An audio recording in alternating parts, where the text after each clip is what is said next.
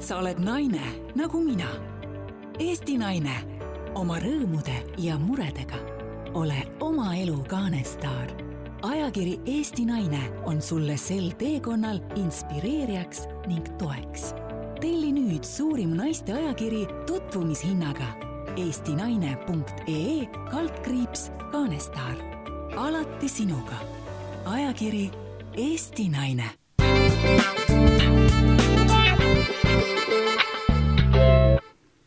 tere, minu nimi on Kristiina Ilmet-Saigre, te kuulate ajakirja Eesti Naine podcasti. minuga stuudios on nüüd juba taas kaks naist. me alustasime hetk tagasi podcasti salvestusega ja nii, nagu ma eelmine saate alguses ütlesin, et ma olen selline väga toores ja roheline veel selles valdkonnas, siis seekord me lindistasimegi kakskümmend minutit saadet, aga ma ei kontrollinud, et mul oli üks rekk-nupp alla vajutamata, nii et me rääkisime tühja ja vahepeal jõudis meiega liituda siis taas kord Eesti Naise peatoimetaja Heidit Kaiju, tervist! tere, tere! Ja minu külaliseks on üks selline imeline naine, kellega ma olen kokku puutunud väga mitmetes erinevates elusituatsioonides. esimest korda siis, ütleme siis hilisteismelisena ööklubis Hollywood, kus siis äh, ta pälvis tähelepanu sellega, et mu kõrval tanssis üks hästi ilus ja kena naisterahvas, selline särav naisterahvas. Kristiina ja..., milles vot sellised hetked, vaata, sellepärast miks mulle jäi see meelde, on, et mõni hetk, mõni hetk hiljem me kohtusime juba seltskondades, et kui sa oled nagu mhm. noorena kuskil klubis või niimoodi, sa, kuidas öelda, adapteerid seda ümbrust nagu teistmoodi, mingid teatud detailid jäävad meelde sul. ja siis me saime kokku erinevates seltskondades ja siis eluperioodid on meid viinud kokku veel erinevate tegemistega nii et minu stuudios on äh, nelja lapse ema, abikaasa, oma moeateljee looja, disainer Marilyn Sikke, tere tulemast! tere, tere, Kristiina ja Heidi! Marilyn on võib-olla üks sellistest naisterahvastest, kes on toonud äh, uue moe Eesti rahvariiete disaini, ta on loonud sellise imelise asja nagu rätikleit see on midagi, mis on praktiliselt kõikidel moeteadlikel naistel oma kodus olemas, kas siis siidi kujul või siis sellises rahvuslikus kujus, ma tean seda, et äh, mitte ainult mina, vaid ka väga paljud naised ütlevad, et laulupidu tuleb või mingid rahvuslikud üritused, no mida me selga paneme. siis nii mina kui paljud on olnud, et aa, Marilini rätikleit on see, mis alati, kui see on sul kapis olemas, siis kui see on sellises ilusas heas pastelsis või sinises toonis, siis, siis sa oled alati nagu päästetud ja selline rahvuslikkus on ju meil, eestlastel veres, et kuidas see rätikleit üldse kuidas sa tulid selle asjani, et midagi sellist luua mm? -hmm. sellest siis ennem, kui temast sai rahvuslik äh, rätikleit, sai temast hoopis siidist rätikleit. või siis tema nimi veel ei olnudki rätikleit. aga mul oli äh, taaskord üks selline hetk, kus ma vajasin natukene puhkust, veidikene keskkonnavahetust ja kolme tütrega siis otsustasin minna reisile. ja noh, mina tean sind samamoodi, Kristiina, korduvalt siit ja sealt, aga tihtipeale minu meelest me olime just äh, lennujaamades kokku vot see on midagi, mida mina ei mäleta jälle. just, ja mina jälle ei mäleta seda Hollywoodi, eks et ma tantsisin seal küll, aga, aga, aga ühesõnaga ja ja siis ennem, ennem seda linast rätikleiti tõepoolest või enne seda rahvuslikku rätikleiti ma tegin seda, seda siidikangast, kihvtidest, voogavatest, värvilistest, mustrilistest kangastest. Äh, nad on ülipraktilised, kleiti saad kanda ühtepidi, teistpidi, lapsel sealt süües läheb midagi peale, keerad teise poole, käib kah, eks ju, ei pea jooksma tuppa või mingit hunnikut kotitäit, ma näen sõbrannasid, kellel on mingid suured summad, on neid kaasas iga lapse jaoks kogu aeg vahetunud, mõtlesin, et ei, see on jumalast nõme.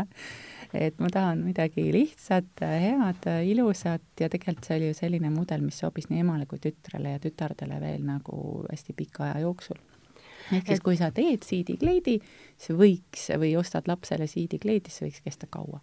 aga rahvuslikuks sai ta hiljem siis, siis pisitasa siin Eestimaa suvesid nautides ja siis talle lisandusid veel suured taskud et ühel emal peab alati ju võtmekimp ja, ja raha ja korralikult perenaise. kõik peab kogu aeg olema kuskil, et noh, üks laps on ühe käe otsas, teine on teise otsas, no kolmas ütleme, ma ei tea, kuskil süles või siis nii-öelda seal on lapsed hoopis seal taskusõlmede küljes, et ma olen ja. alati imele, imetlenud sinu sellist nagu harmoonilisust ja nagu kulgemisoskust et kui me oleme kokku saanud sinu erinevates eluetappides, siis kuidagi nagu see rahulikkus ja selline rahulolu iseendaga ja nii, nagu sa räägid sellest ühe sellise unikaalse eseme, riideeseme loomisest, siis nagu see on ka selline harmooniline ja rahulikkus. et kindlasti su ettevõtte algus ei olnud nii harmooniline, et see on olnud ikkagi omaette teekond. kuidas see algas?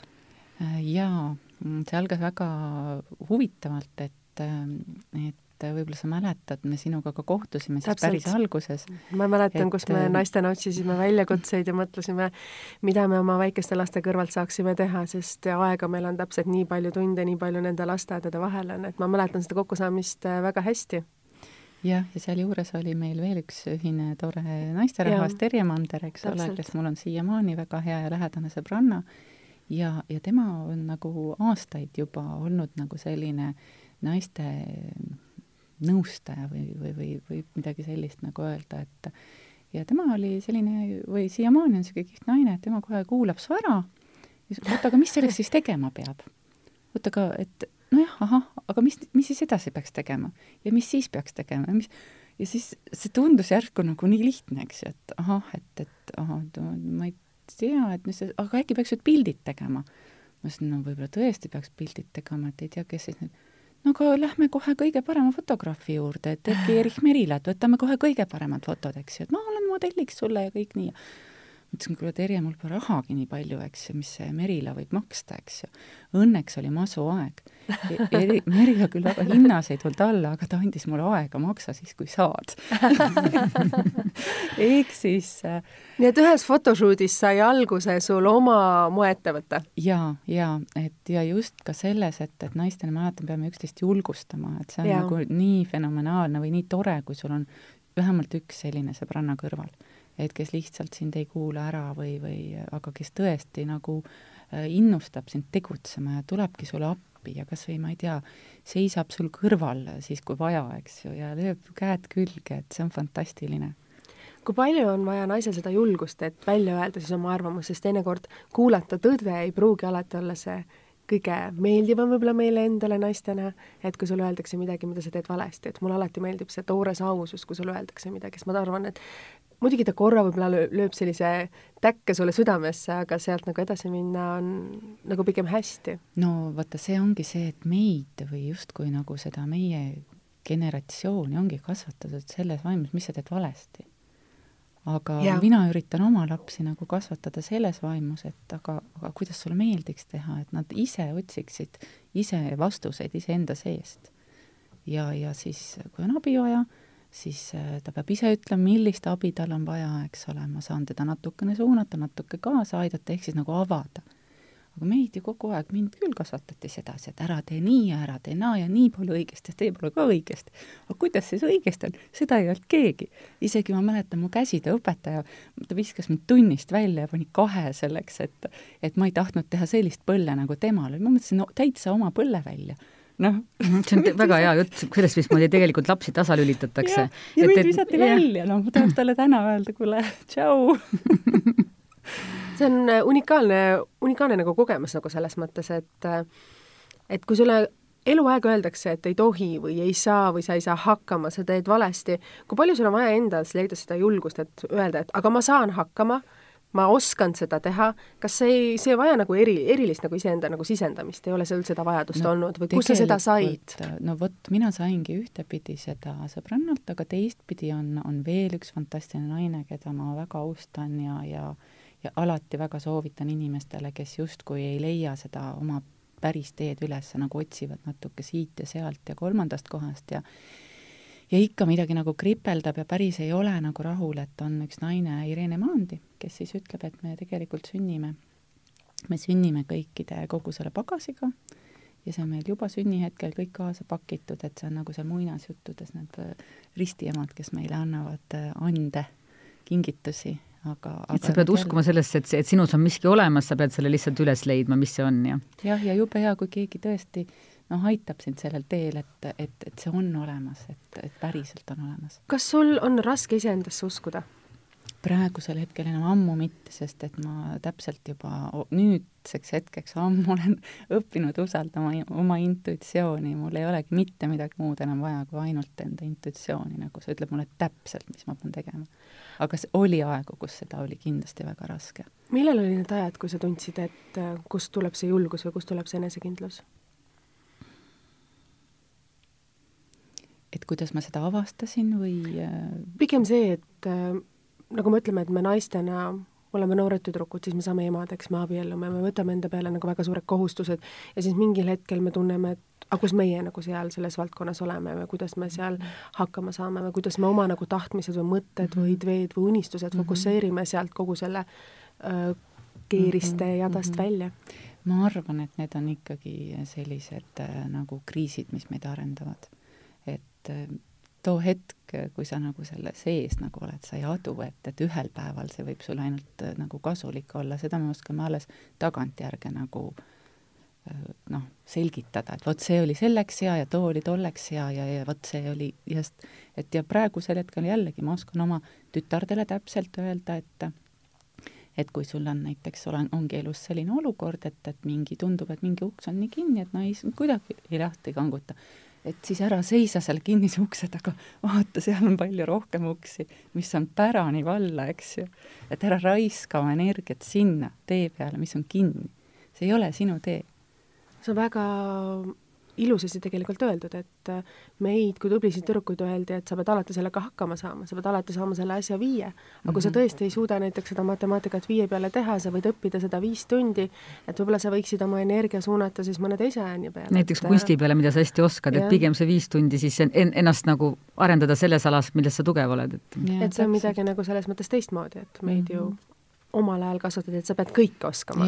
kõik peab olema nagu ideaalne, kõik peab olema suurepärane. jah, jah just mm. -hmm. milline ema sa oled oma tütardele? no ma ise sul on neid neli, sul alati. on selline hilisteismeline sul on kaks sellist äh, seal vaheteismelise ja sellise suurema tüdruku vahele ja üks on veel mhm. alles, kõige noorem on pesamuna veel lasteaias. tooli all vaikselt. jah, on siin meil laua all parasjagu et äh, mm, kuna mina ise tulen sellisest nagu lahutatud perekonnast, siis äh, minu kindel soov kõige esimese ametina oli saada heaks emaks. ja, ja ma väga, väga loodan, et et, et, et kui siis tüdrukutel üks päev see teismelisus läbi on, mis tegelikult ma juba kõige, kõige vanema lapsega isegi juba saan natuke sellist head tagasisidet. ta sai kaheksateist. saab kaheksateist täpselt ja et, et juba sa kuuled midagi positiivset nagu ja see tõesti paneb nagu südame värisema ja, ja hääle samamoodi, et et aga siis ongi tore, et on vot niisugune väike päike, eks ju, kes, kes kõikide peale särab, et siis vahepeal nende äh, kõikide nende tüdrukute emotsioonidega hakkama saada, et eks ta on, äh, eriti esimesega, see on, see on väga raske, sa ei saa aru, kust see kõik tuleb, millal see lõpeb, kas see üleüldse lõpeb, eks ju, siis sa mõtled, äkki ma olen midagi valesti teinud, eks ju. püüad justkui nagu ennast kogu aeg korrigeerida, aga siis, siis mingi hetk saad aru, et äh, vist, äh, vist peabki nii olema aga kas see kohustus olla hea ema või mõte olla hea ema, kas see teinekord ei ole väga suur taak või selline koorem? Jaa, aga head emad teevad vigu ka mm. -hmm. sa läksid silm, silmad märjaks natukene, kui sa hakkasid nagu emaks olemisest äh, nagu rääkima, et ähm, mis sind nagu selliseks emotsionaalseks nagu tegi, et kas see headus või see raskus või kogu see, selle protsessiga nagu hakkama saamine et kui mina näiteks mõtlen ise noh, emaks olemise peale, siis mul on nagu emotsioonid on nii üles-alla mm -hmm. ja kui mhm. sa, nagu sa ütlesid samamoodi, et sa praegu nagu tunned, et sa tütar hakkab kaheksateist saama, et siis sa näed esimesi päikesekiiri, et ma tunnen ise täpselt samamoodi, et need lapsed on nii erinevates vanudes, vanustes, et kui nad on suured, alles siis sa saad nagu öelda, et kas ma sain hakkama.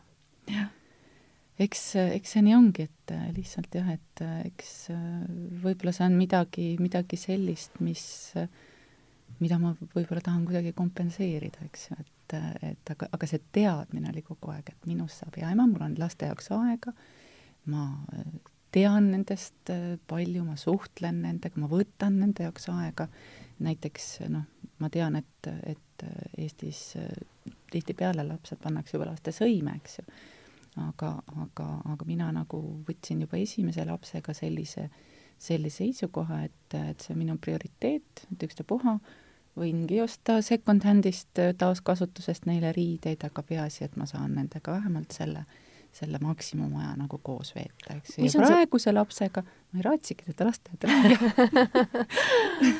mis on sinu jaoks nagu see miinimumperiood, mida sa tunned, et sa emana pead lapsele andma või iga laps äh, on ise öelnud, kui kaua ta soovib olla osa sinust? Mina arvan, et, et see, et me Eestis saame olla, et meile võimaldatakse ja tegelikult ka jäetakse töökoht kuni kolm aastat, no see on fantastiline. see on tõesti fantastiline ja kui vähegi on võimalik, siis seda, seda nautida, loomulikult see ei tähenda seda, et sa pead tegema seda hambatrist, kes ei naudi, see peabki tegema seda, mida ta naudib, eks ju. Aga meie tegime igast äh, asju, küll. Me käisime keraamikas ja, ja koos rahvatantsus ja lastega? ja, ja ikka, ikka, et ikka nad tahtsid kaasa, kus see emme nüüd õhtul läheb, eks ju. ma ütlesin, tantsima lähen, ma tahan kaasa tulla, no kuidas ma siis ütlen, ei, sa ei tule kaasa, ei tohi vaadata, kuidas ma rahvatantsu tantsin.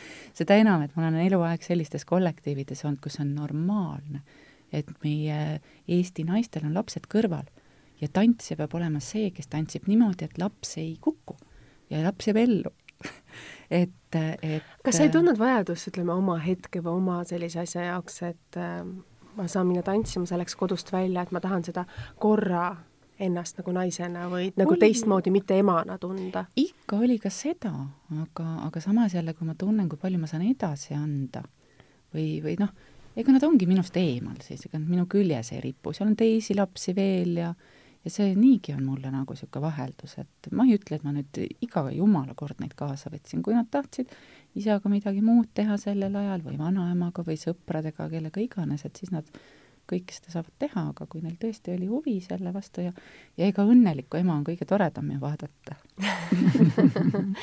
Sul on, ma tean, et sul on väga suur selline turvavõrgustik ümber ja nagu sa oled mitu korda maininud, et sinu jaoks on kõige olulisem roll siin olnud naisena, et olla väga hea ema oma lastele.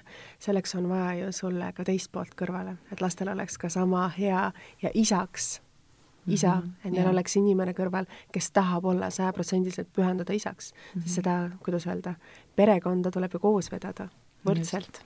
jaa, et absoluutselt, et ma äh, pean siin natukene korrigeerima, et mul, ma ei saa öelda, et mul on suur turvavõrgustik ümber, aga mul on väga suur tugi tõesti abikaasa poolt. et mm -hmm. ja, ja teinekord piisab ühest inimesest. jaa, absoluutselt. et, et ta on tõesti hästi, noh muidugi algusest, aga mis hakkab siin kleite tegema, pole ju õppinud seda, et mis mõttes, mis kleite, see ei ole mingi tõsiseltvõetav asi, eks ju, vaata, et justkui peaks kõike õppima, on ju et aga siis, kui ta ka nägi, et, et et nagu läheb, eks ju, tema on ärimees, tema peab nägema, et läheb, eks ju, kuidas läheb, peab natuke numbreid nägema. et äh, aga jaa, et, et kuna ta tõesti hästi intensiivselt teeb tööd ja trenni, siis kui ta on tüdrukutega, ta on tõesti nendega suurima meelega ja üks suur pluss on tal veel, et talle meeldib kohutavalt süüa teha. et mõtle ise, sa oled köögis, sul on kolm-neli tüdrukut ümber, kes aitab, üks aitab hakkida, teine aitab, ma ei tea, segada, kolmas aitab seal kloppida ja, ja siis lauda katta, et, et tegelikult neist on ikka hullult rõõmu, eriti isadele kui palju on või millised on teie pere sellised kõige intiimsemad hetked, sa just ütlesid, et isa teeb süüa koos tütardega, aga mis on teil sellised ühised hetked, et ma näen, et te hoiate kokku ja toetate üksteist väga palju? ma arvan, et need on hommikused niisugused kaisus rullimised no sinu puhul ei saa seda öelda ju, sina ärkad hommikul kell kuus üles, oled Haapsalus mere ääres, kuulad luige laulu, vaatad päikesetõusu, tass teed on kõrval ja sa teed juba joogat. et mina pean tunnistama, et mina ei ole nii tubli ega siis, kui pime on, siis ega me nüüd ei lähe siis vaatama, siis me rullime. No ja siis võid oma kohvi ära juua ja minna tagasi rullima, et selles mõttes jah, et Eestis on seda pimedat aega, pimedaid hommikuid kahjuks liigagi palju, et siis energia ammutamine toimub sul siis loodusest ja, suvistel perioodidel? loodusest ja valgusest kindlasti, et see, seda ma ütlen küll praegu sada protsenti, et, et, et ma ei tea, kuidas inimesed siin linnas hakkama saavad kontoris. tõsiselt ma ei tea. sa oled üdini Nõmme tüdruk, et see on ikkagi osa Tallinnast mm. -hmm.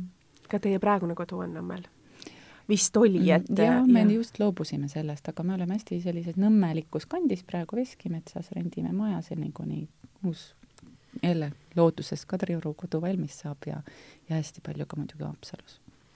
Mis on seal Haapsalus nii teistmoodi, et ma tean, et igal võimalikul hetkel, isegi kui oli see mm, koroonaperiood, te olite Haapsalus ja täpselt samamoodi nüüd kõik nädalavahetused te olete seal ja tihtipeale on vist, nagu ma saan aru, kui su abikaasa Tallinnas koos vanemate lastega ja sina oled siis oma sellise, oma väikse beebiga seal Haapsalus mm. -hmm. sa pead tulema mulle külla. ma olen kogu aeg mõelnud, ma olen kogu aeg mõelnud, sest teil on ainult mõne meetri kaugusel see mina kutsun kõiki, et lihtsalt inimesed nii tihti ütlevad, et oi, mul pole aega, mul on vaja seda teist ja mul on nii kiire, mul on nii palju teha, ei, ma ei jõua mitte kuhugi. Ma ütlen, ma käisin äh, see nädalavahetus, mis nüüd läbi sai, käisin äh, äh, kell kümme õhtul jõudsin Vilsandi kanti, Saaremaale Vilsandi kanti ja järgmisel päeval kella kaheks ma olin ka täiesti laetud juba, et et äh, tegelikult tasub ikkagi võtta ja minna ennast välja lülitada, et see oli minul nagu niisugune teistmoodi, et ma, muidu ma olen Haapsalus ja laen seal ennast mere ääres ja looduses ja nii. aga, aga tegelikult äh, inimesed lihtsalt peavad võtma selle aja. kuidas sa ennast laed, et mida sa teed sellest, kas sa mediteerid, kas sa loed mõnda raamatut, tassike teed, klaas veini, mis on sinu jaoks see laadimise, kuidas öelda, lisa, lisa, lisadetail? no ühtepidi ma võin nagu laadida ennast äh, mitte midagi tehes ja siis kõike seda tehes, millest sa räägid. et ma arvan, et äh, kõige olulisem kõikide tegevuste juures ongi see, et sa teed seda nagu täiega ja teadlikult, et sul on neli tütart. No kuidas sa teed täiega ja teadlikult ja no, rahulikult kodus? koristan, siis ma võtan seda kui trenni, on ju, see on nagu kuidas, kuidas sa võtad koristamist kui trenni? võtadki seda kui trenni, et oh, liigutan, jumalast hea, nahk läheb ka märjaks, ma ei tea, pärast hüppan vette, et jumalast palju sai tehtud, eks ju, siis eh, noh, kõike lihtsalt, et kõike, mida sa teed, sa pead nagu olema seal kohal kas sa sõnastad oma tegevused ümber, sest noh, kellelegi ei meeldi koristada, sina ütled selle, see on trenn. kui sa sõnastad meeldi, koristamise ümber trenniks, kas see mõjub sulle teistmoodi? absoluutselt teistmoodi kas on mingeid lisaliigutusi, mida sa no, teed? ja mõtle siis äh, selle asemel, et, et, et äh, ma ei tea, juhtida mingit suurt ettevõtet, äh, võib-olla mõne inimesega mingeid konflikte lahendada ja selle asemel sa saad ko lihtsalt koristada noh, ma valiksin viimase.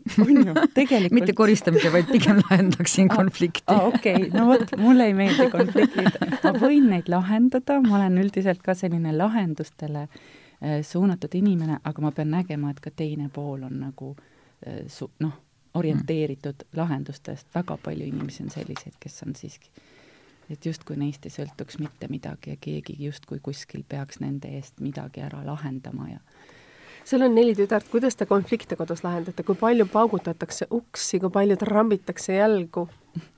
mul on üks hea sõbranna, kes rääkis, kuidas tema ema seda uste paugutamist lahendas. et ükskord paugutad, siis nüüd sada korda paned vaikselt kinni kas sa oled seda äh, kodus harrastanud oma tütarde peale? olen, olen, olen ühega pidin harrastama ja kuidagi rohkem polnud vaja? Polnud vaja, jaa. väga hea nipp kõrva taha panna, peaks ka katsetama kodus. jah, jah. et sada korda vaikselt panna, et äh, see on midagi vist vanaemadest pärit. ma arvan küll, jah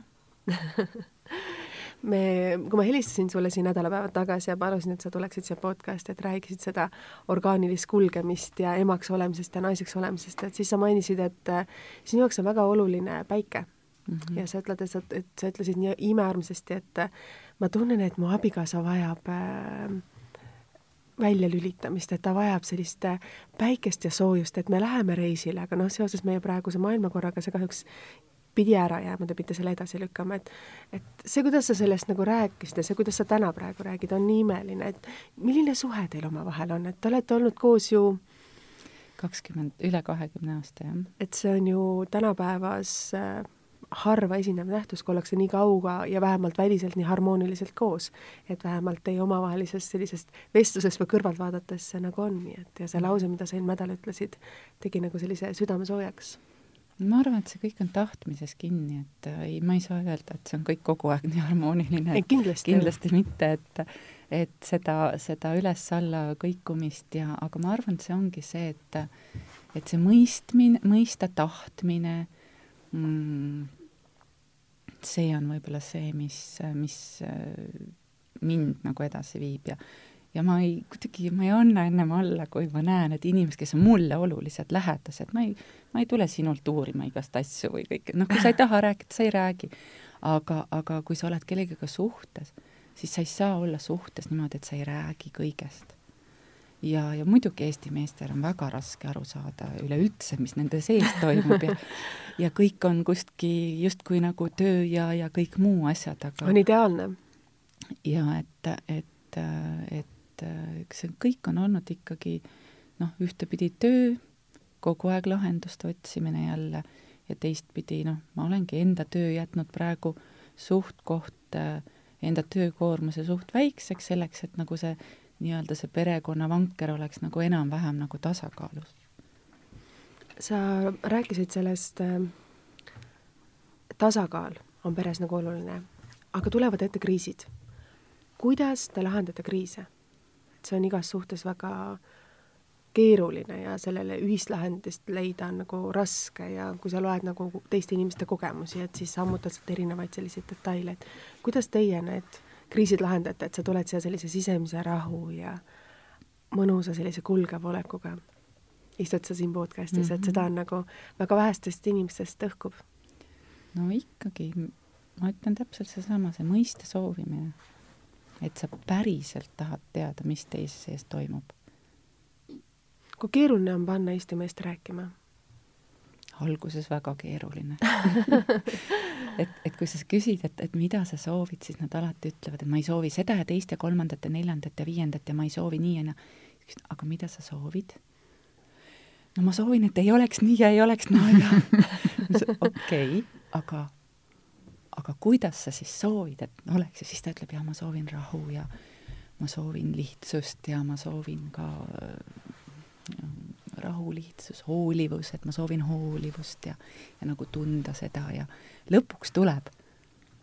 aga sa pead lihtsalt noh, sa pead olema nagu noh, mitte nende muude asjadega kaasa minema, et ehk siis nagu näiteks, näiteks ma toon niisuguse näite, et keegi ütleb, ma ei soovi, mhm. et oleks nii. et sa ei võta isiklikult, justkui see oleks nagu kuskil sinus see see vastus peidus, vaid et sa nagu tead juba praeguseks hetkeks, eks ju, me oleme ju kõik inimesena areneme, eks ju, iseenda kohta õpime asju tundma. teame kõik, eks ju, et, et kõik on meis endas kinni, eks ju. et, et ja, ja samamoodi kõik see, mis teise sees toimub, on samamoodi tema enda looming, eks ju.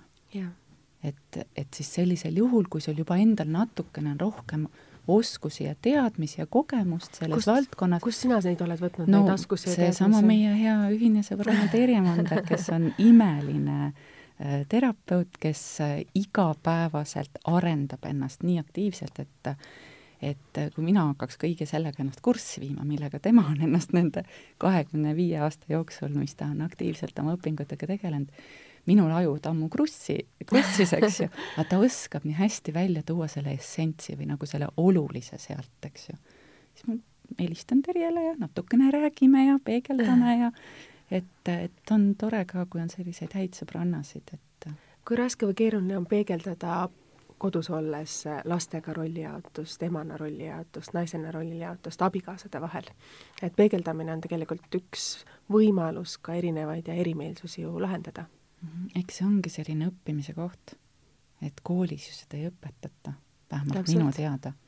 et, et et peegeldada, et sest me saame ju väga erinevalt aru erinevatest no, detailidest, et tass on tass ja hinnangud, kohe on mm -hmm. hinnangud, et see on haruldane, kui sul on selline kool, kus ei anta neid hinnanguid, et tänapäeval juba on selliseid uusi koole kes ei kasuta seda vana süsteemi nii-öelda traditsioonilist. kas hinnang lõikab ära siis ütleme sellise kulgemise ja arusaamise sinu arvates? muidugi, sest see on ju kellegi hinnang, kellegi teise hinnang vastavalt tema enda kogemusele. subjektiivne. hästi subjekt- ja võib-olla isegi mitte tema enda kogemusele, vaid tema mingi ringkonna kogemusele või, või mingile muule, noh.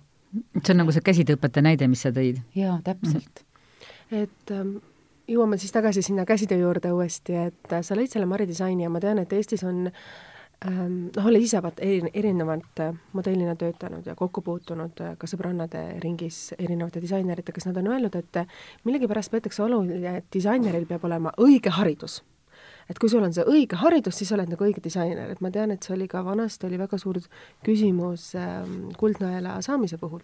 et kui sul, kui sa ei olnud nagu päris haridusega Eesti kõrgema siis Kunsti jah. Mhm. ega haridusega disainer ja sa lihtsalt tegid midagi, mis müüs hästi, rahvale meeldis, siis sa olid nagu outsider, et äh, kuidas nagu sina nagu tunnetad nagu seda? aga mind see absoluutselt ei ole puudutanud, mina arvan, et minu edu võti ongi võib-olla see esialgu, et ma olen lõpet-, hoopis õppinud EBS-is, eks ole, mul Täpselt. on olnud seda julgust ette võtta, ma tean, et kui sa midagi teed, siis see siiski peab ka nagu tulu tootma, eks ju, et noh, ma, et ma ei pea ennast kunstnikuks. Mul oli isa insener, vanaisa tisler, mina otsisin kogu aeg toimivaid lahendusi. ehk siis ma ütlengi, et ma ei ole moekunstnik, ma olen rõivadisainer. ma disainin selliseid asju, mida ma näen, mida ma ei saa kuskilt mida sa tahad ise kanda, mida sa tahad, et su lapsed kannaksid? pikkadele naistele äh,, ilusad naiselikud, naturaalsed materjalid võimaldavad äh, näiteks äh, last rinnaga toita, samas vapustavalt ilus välja näha. Igatpidi, ükstapuha on vaja olla sul seksikas või tõsiseltvõetav või mis iganes, eks ju, et näiteks särkleidid, mida ma tegin juba seitse-kaheksa aastat tagasi mm, -hmm, eks jaa, ju, täpselt. siiamaani ju kantakse, see on ideaalne asi emale. siis need jumpsuit'id, mis on nii äh, tänapäeva sellist joogalikku elustiili äh, nagu äh, aitavad kaasa, kui, kui ka siis samamoodi juba lapsega sa saad seal põrandal rullida. et äh, kui palju sa mõtled sellisele meile praeguse maailm, maailma peale, et see, mida sa räägid, on selline hästi selline kuidagi naturaalne maailm, et väga paljud inimesed ei saa seda endale näiteks ka lubada, kas või ütleme toidu osas, et kui sa lähed ostad maad mahepoes seda toitu, siis ta on kordades kallim kui see, kui sa lähed ostad nagu tavapoes ja võib-olla neid allahinnatud tooteid, et et kui palju on nagu sinu jaoks oluline, kui palju me peaksime tegelikult nagu mõtlema sellele? mm, sa just tõid seda just oma nagu riiete osas, et sa teed endale kleidi, mis on seitse-kaheksa aastat tagasi, sa kannad seda ka seitse-kaheksa aastat hiljem no ja, emana- ja, ja lõppkokkuvõttes on ju kokkuhoid, eks ju. ja no ongi lõppkokkuvõttes kokkuhoid, et ega eks see toidu, ja, toidu ja toiduga on ju samamoodi, et, et õnneks Eestis ei saa mitte keegi öelda, et meil on mahetoit kallis. meil ei Jah. saa seda öelda, lähed keskturule, ikka leiad mingi tädikese sealt üles, eks ju. ma olen sinuga absoluutselt nõus. natukene lihtsalt jällegi teadlikum olema. natukene, võib-olla natuke rohkem aega varuma ja, ja hiljem sul on ju puhas nagu võit ikkagi oma tervise arvelt. et, et äh, selle asemel, et kõiki neid säilitusaineid ja ma ei tea, mis paksendajaid, pehmendajaid, kõvendajaid, säilitajaid, eks ju, oma organismist äh, haiguste näol siis nagu nendega nagu silmitsi seista, eks ju, et tegelikult see on ju noh, see on nii lihtne, tee suppe, tee köögiviljasuppe kergelt. see suppide tegemine, ma arvan, tänapäeval ei ole väga, kuidas öelda, populaarne tegelikult kodudes, et et ma tean lihtsalt seda, et ma olen ise saanud vastukaja, et kuna mina teen ise ka suppi kodus, siis minu lapsed on käinud kellegi juures kodus söömas mm. -hmm. ja seal peredes on ka tehtud suppe, aga siis on, öeldakse, et viiest lapsest kaks sööb, üks on minu laps ja üks on sinu laps, et teised lapsed ütlevad, nad ei söö suppe. et kas noh, aga see on nende laste elu ja nende laste maailm, et ega sa sellepärast oma kodust elu ei pea muutma. mul oli, vanaisal oli väga kihvt naabrinaine, kes tegi suppi nädala ringvaade. väga vaimukas, noh. ja tegelikult ega söövad küll kaks päeva, no jaa, muidugi nad teevad nägusid, loomulikult nad tahaks hoopis ju kuskilt saada mingit kummikommi või hamburgerit, loomulikult neil on kõik need maitsed suus, eks ju. aga no mis teha, noh jah, vahepeal lähevad, kaebavad sõbrannale ja kuulen sõbranna emalt, et ah, teie kodus ju süüakse ainult, ma ei tea, seeneid, ei ole nii. see on lihtsalt ühe lapse võimendus, eks ju, aga samas jälle teisest perest kuulen, et vaata, kuule, aga mulle meeldib selle eh, Moona ema see müsli ise teeb hommikuti, et tee mulle ka. siis, kui ema viskab talle neid krõbinaid ja piima sinna lauale või võta ise kapist krõbinad ja piim. et äh, ikka pead tegema nii, nagu endale meeldib on väga, väga hästi, mida sa ütlesid, sa pead tegema nii, nagu endale meeldib, et ma arvan, et üheski asjas ei saa minna äärmusesse, et sa pead Ei, vaatama, mis ei. sobib sinu elustiiliga, kui orgaaniline see on ja mismoodi.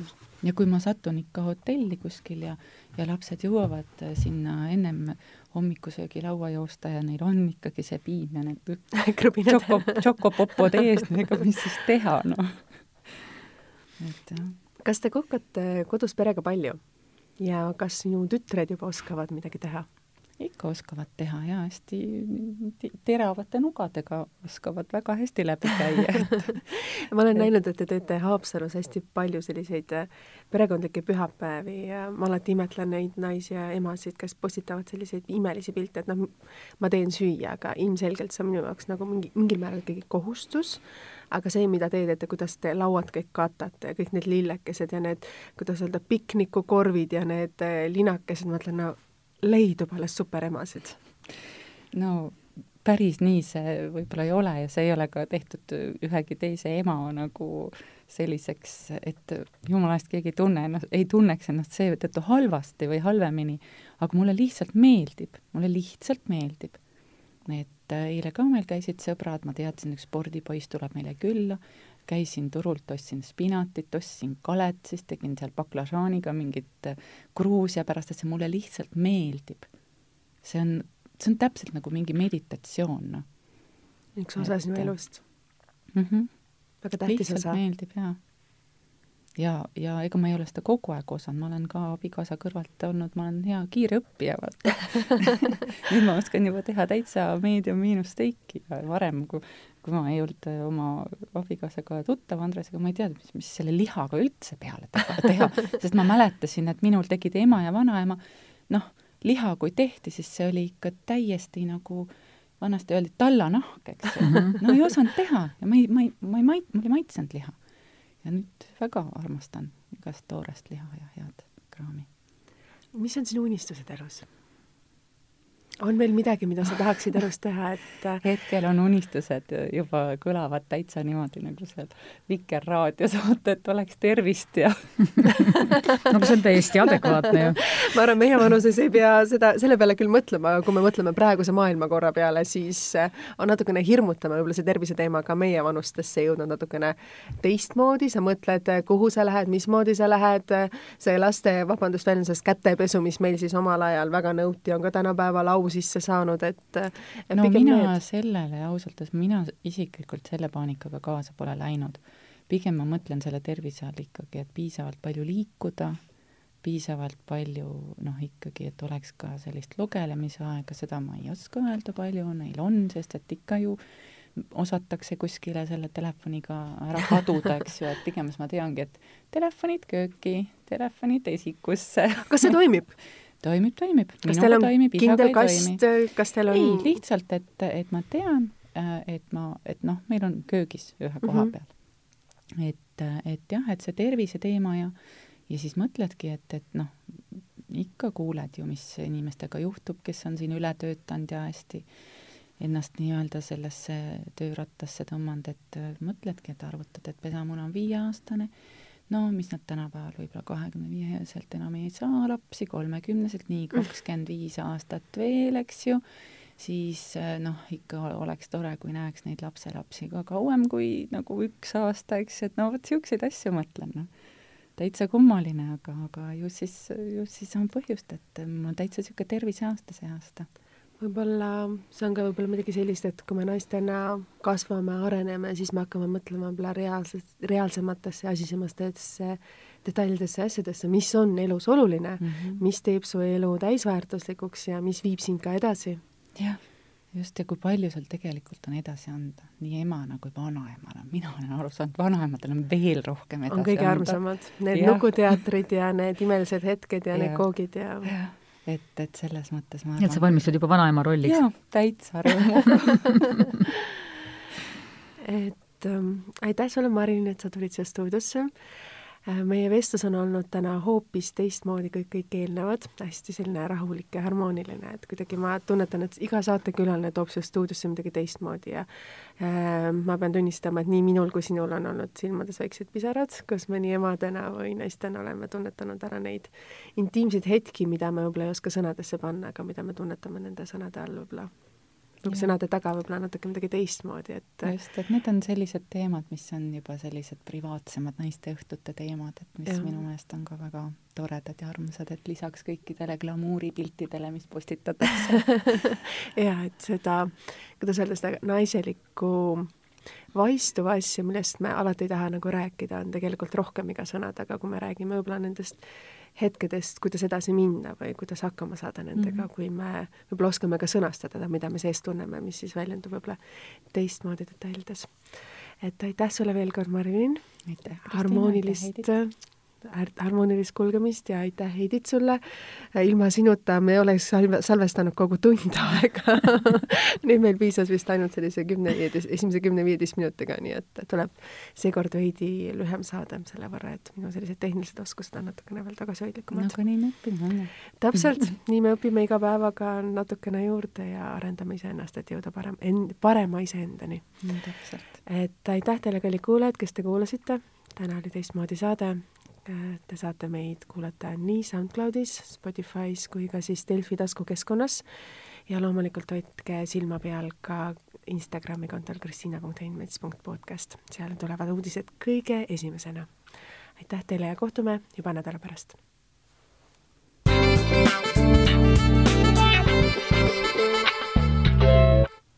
tubli tüdruk.